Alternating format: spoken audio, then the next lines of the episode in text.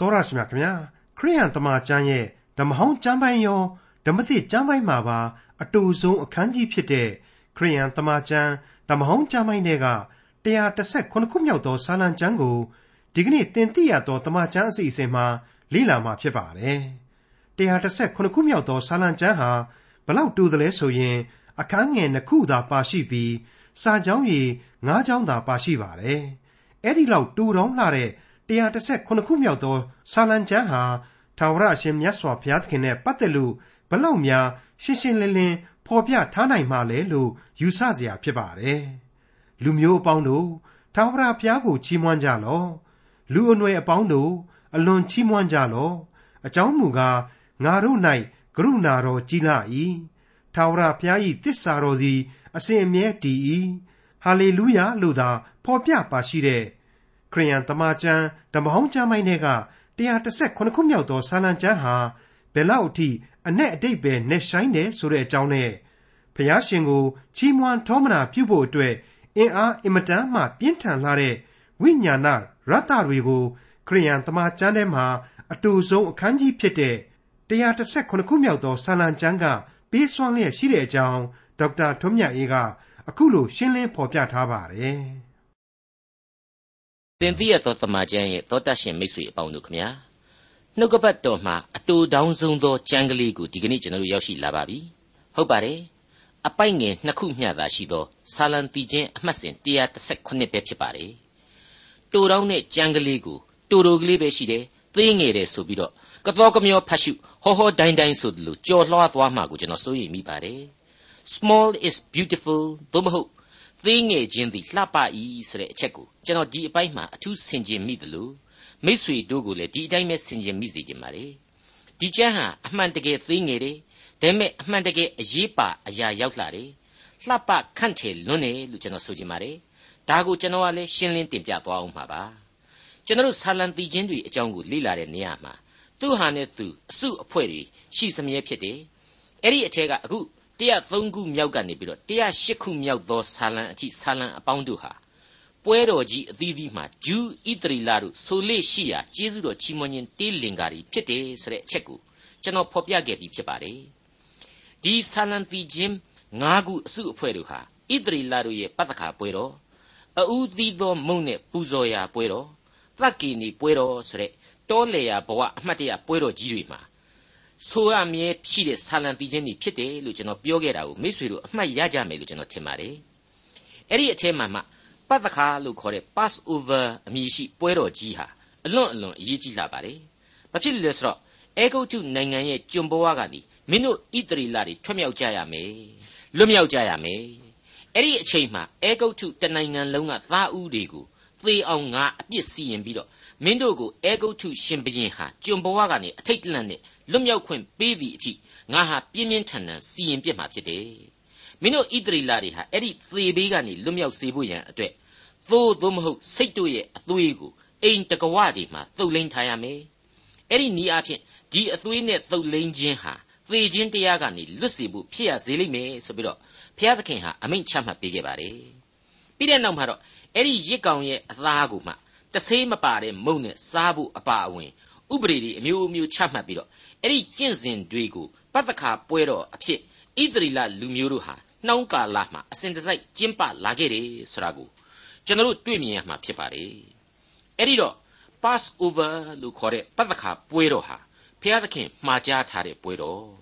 သူ့ရဲ့အနှစ်ချုပ်ဟာဘာလဲဆိုတာကိုဆက်ပြီးစဉ်းစားလိုက်မယ်ဆိုရင်တိ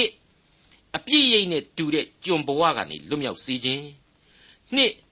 သေပြစ်စီရင်ခြင်းမှကင်းလွတ်ခြင်းဆိုတဲ့ အလွန်ထူးခြားတဲ့လက္ခဏာတွေကိုဖော်ပြတဲ့ပွဲတော်ကြီးဖြစ်ပါတယ်။အဲ့ဒီပွဲတော်ဟာဒီကနေ့ကျွန်တော်အချိန်မှာမရှိတော့ဘူးတဲ့လား။ရှိနေစေပါ။အင်မတန်လူနည်းစုဖြစ်တဲ့ဂျူးတွေအဖို့တည်ရှိနေသလိုကမ္ဘာလူဦးရေသုံးပုံတပုံမကတဲ့ခရိယန်တွေအဖို့ဒီပွဲတော်ကြီးဟာရှိနေစေပါ။ဂျူးတွေဟာရှေးပတ္တခါပွဲရဲ့ထုံးစံအတိုင်းလေလှီးပြီးတော့အသွေးသွန်းတဲ့ရက်ကောင်တွေကိုပူဇော်ခြင်းအပြင် pass over ဆိုတာကိုလှိုင်လှိုင်သုံးတယ်လို့ ယုံကြည်သူခရိယန်တွေရဲ့အ ਨੇ ဆုံးတစ်လမှတစ်ခါခံယူနေကြပွဲတော်မင်္ဂလာဆိုတာဟာအဲ့ဒီကျွန်ရိပ်နဲ့သေမင်းစီကလွတ်ကင်းခြင်းအတွက်ကျင်းပရာပွဲတော်ကြီးဖြစ်တယ်။အတိတ်ကပတ္တခါကိုအခြေခံတဲ့ပွဲတော်ကြီးပဲဖြစ်တယ်တခုတော့ရှိလေရဲ့ပသခါပွဲတော်ဆိုတဲ့သို့သို့မဟုတ်စိတ်နဲ့ရစ်ပူဇော်ခြင်းဆိုတာဟာခရစ်တော်ကယ်တင်ရှင်ရဲ့အသေးခံတော်မူခြင်းအပြင်အသစ်သောကယ်တင်ခြင်းပုံစံကိုဆောင်သွားပြီ ပြည့်ညတ်တော်ကာလလို့ဆိုတဲ့အတိတ်ကာလမှာကြံရစ်ခဲ့ပြီဟောင်းသွားပြီဒါကြောင့်ကျွန်တော်တို့ကဘာရစ်ကောင်ကိုမှအသွေးသွန်းပြီးတော့ရစ်ပလင်ပေါ်မှာပူဇော်နေစရာမလိုတော့ဘဲနဲ့ခရစ်တော်ရဲ့အသေးခံတော်မူခြင်းကိုအောက်မေ့ဖို့ရန်ပွဲတော်ကိုကျင့်ပခရစ်တော်ရဲ့အသွေးတော်နဲ့ခရစ်တော်ရဲ့ခန္ဓာတော်ကိုကိုစားပြုတဲ့မုံနဲ့စပြည့်ရည်ကိုစရိလောက်စားသားပြီးတော့ခရစ်တော်ရဲ့ကျေးဇူးနဲ့ဂရုဏာတော်အကြောင်းကိုပြန်လဲချီးမွမ်းထောမနာပြုရင်းနဲ့ပဲ ဒီရှေးခေတ်ပတ္တခါပွဲတော်ကြီးကိုအမှတ်တရကျင်းပနေကြသေးပဲဖြစ်ပါတယ်မိတ်ဆွေအပေါင်းတို့အခုဆာလံတီချင်းတွေက103ခုမြောက်နဲ့104ခုမြောက်ဆာလံတို့ဟာအစအဦးဆိုရသောတီချင်းတွေဖြစ်တယ်109ခုမြောက်နဲ့108ခုမြောက်သောဆာလံတို့ကတော့ပွဲတော်ကြီးအပြီးမှဆိုရတဲ့တခြင်းတွေဖြစ်တယ်ဆိုပြီးတော့ခွဲခြားထားပါတယ်အရေးကြီးတာကတော့ဘယ်အချိန်မှပဲဆိုသည်ဖြစ်စီအနှစ်သာရဖြစ်တဲ့ကယ်တင်ခြင်းကျေးဇူးတော်ကိုအောက်မေ့ဖို့ရန်သာအဓိကအ ထူးသဖြင့်ခရစ်တော်ကိုယ်တိုင်ဟာတပည့်တော်တွေနဲ့အတူတပည့်တော်အပေါင်းတို့နဲ့အတူနောက်ဆုံးသောပတ္တခါညစာစားပွဲကြီးကိုအခုကျွန်တော်တို့ခံယူရာပွဲတော်အဖြစ်ပုံစံပြောင်းပြီးတော့ပြီးခဲ့တယ်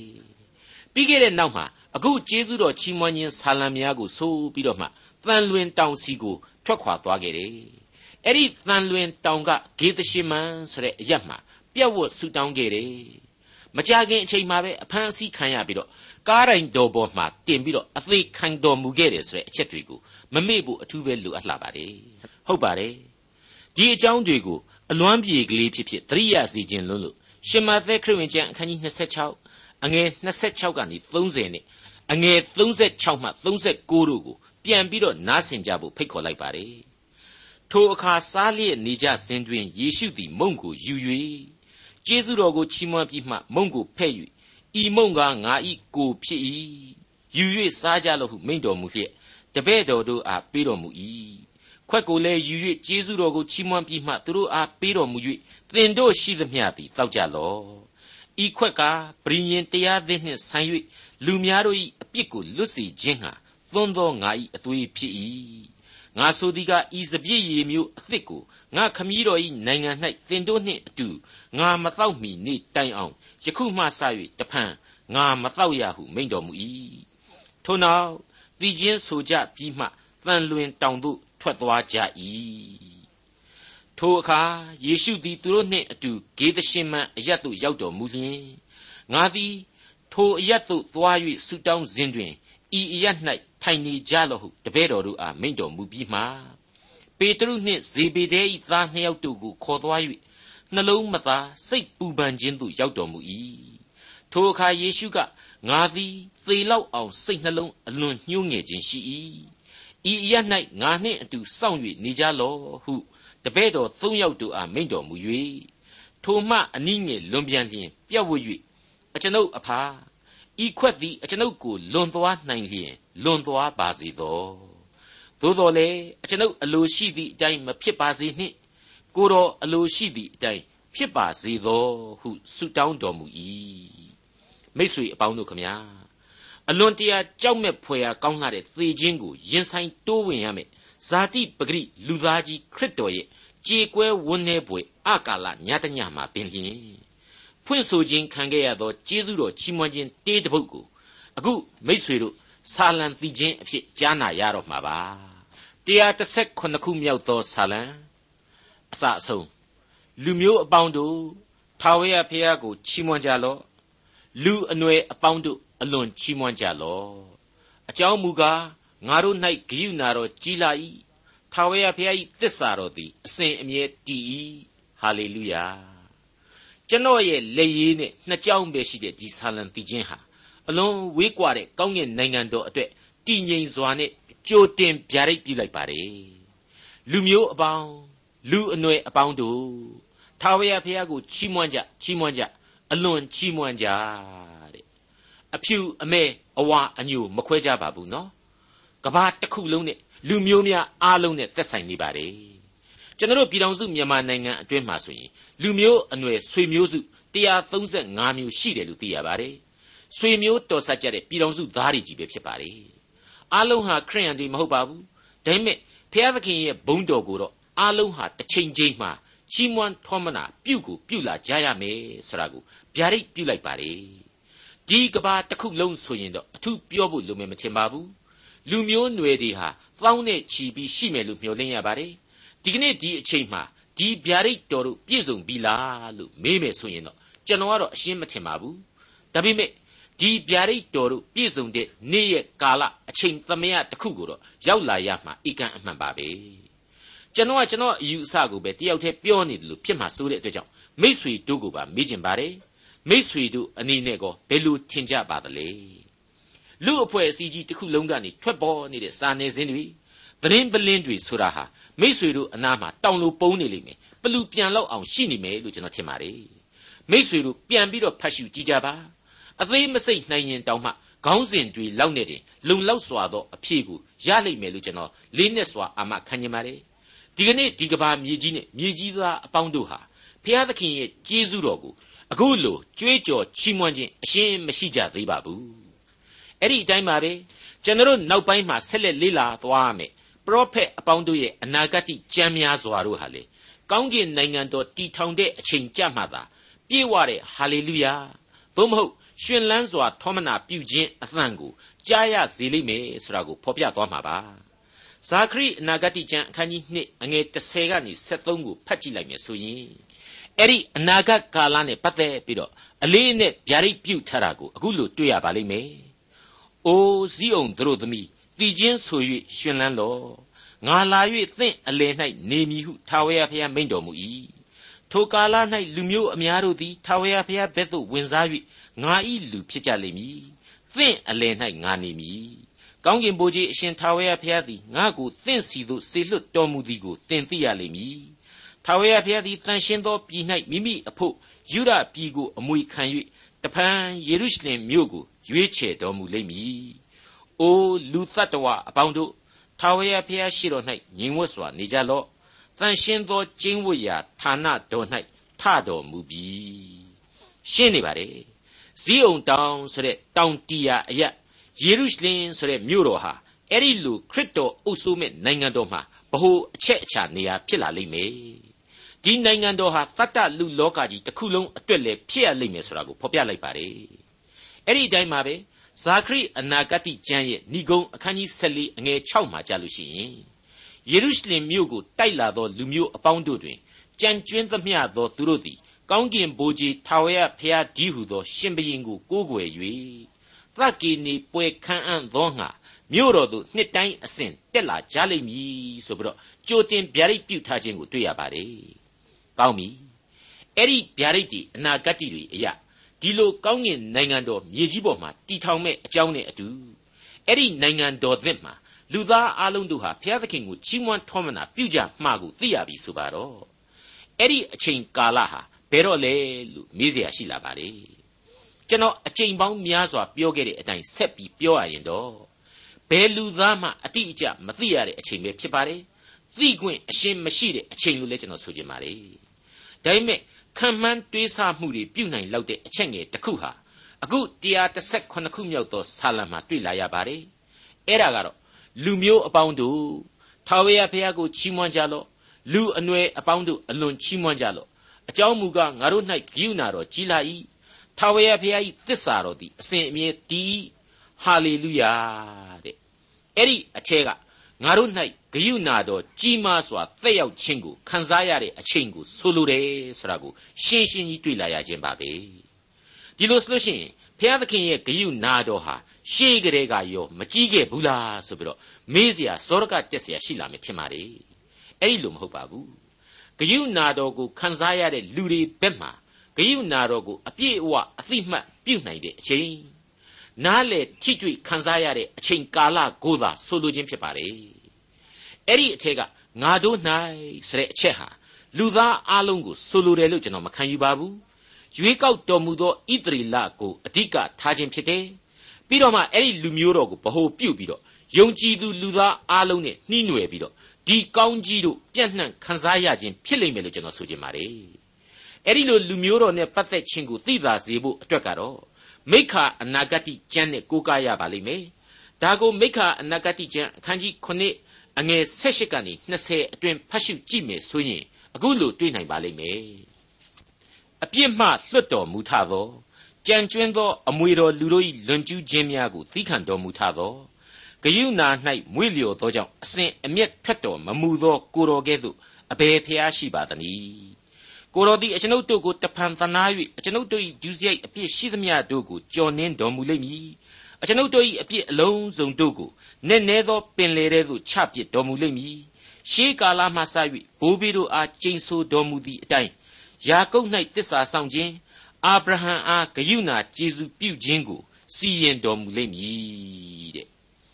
ယာကုပ်တို့အာဗြဟံတို့ရဲ့အမိတွေကိုသုံးတာဟာဣသရေလကိုဥတီလိုက်တဲ့သဘောပါပဲ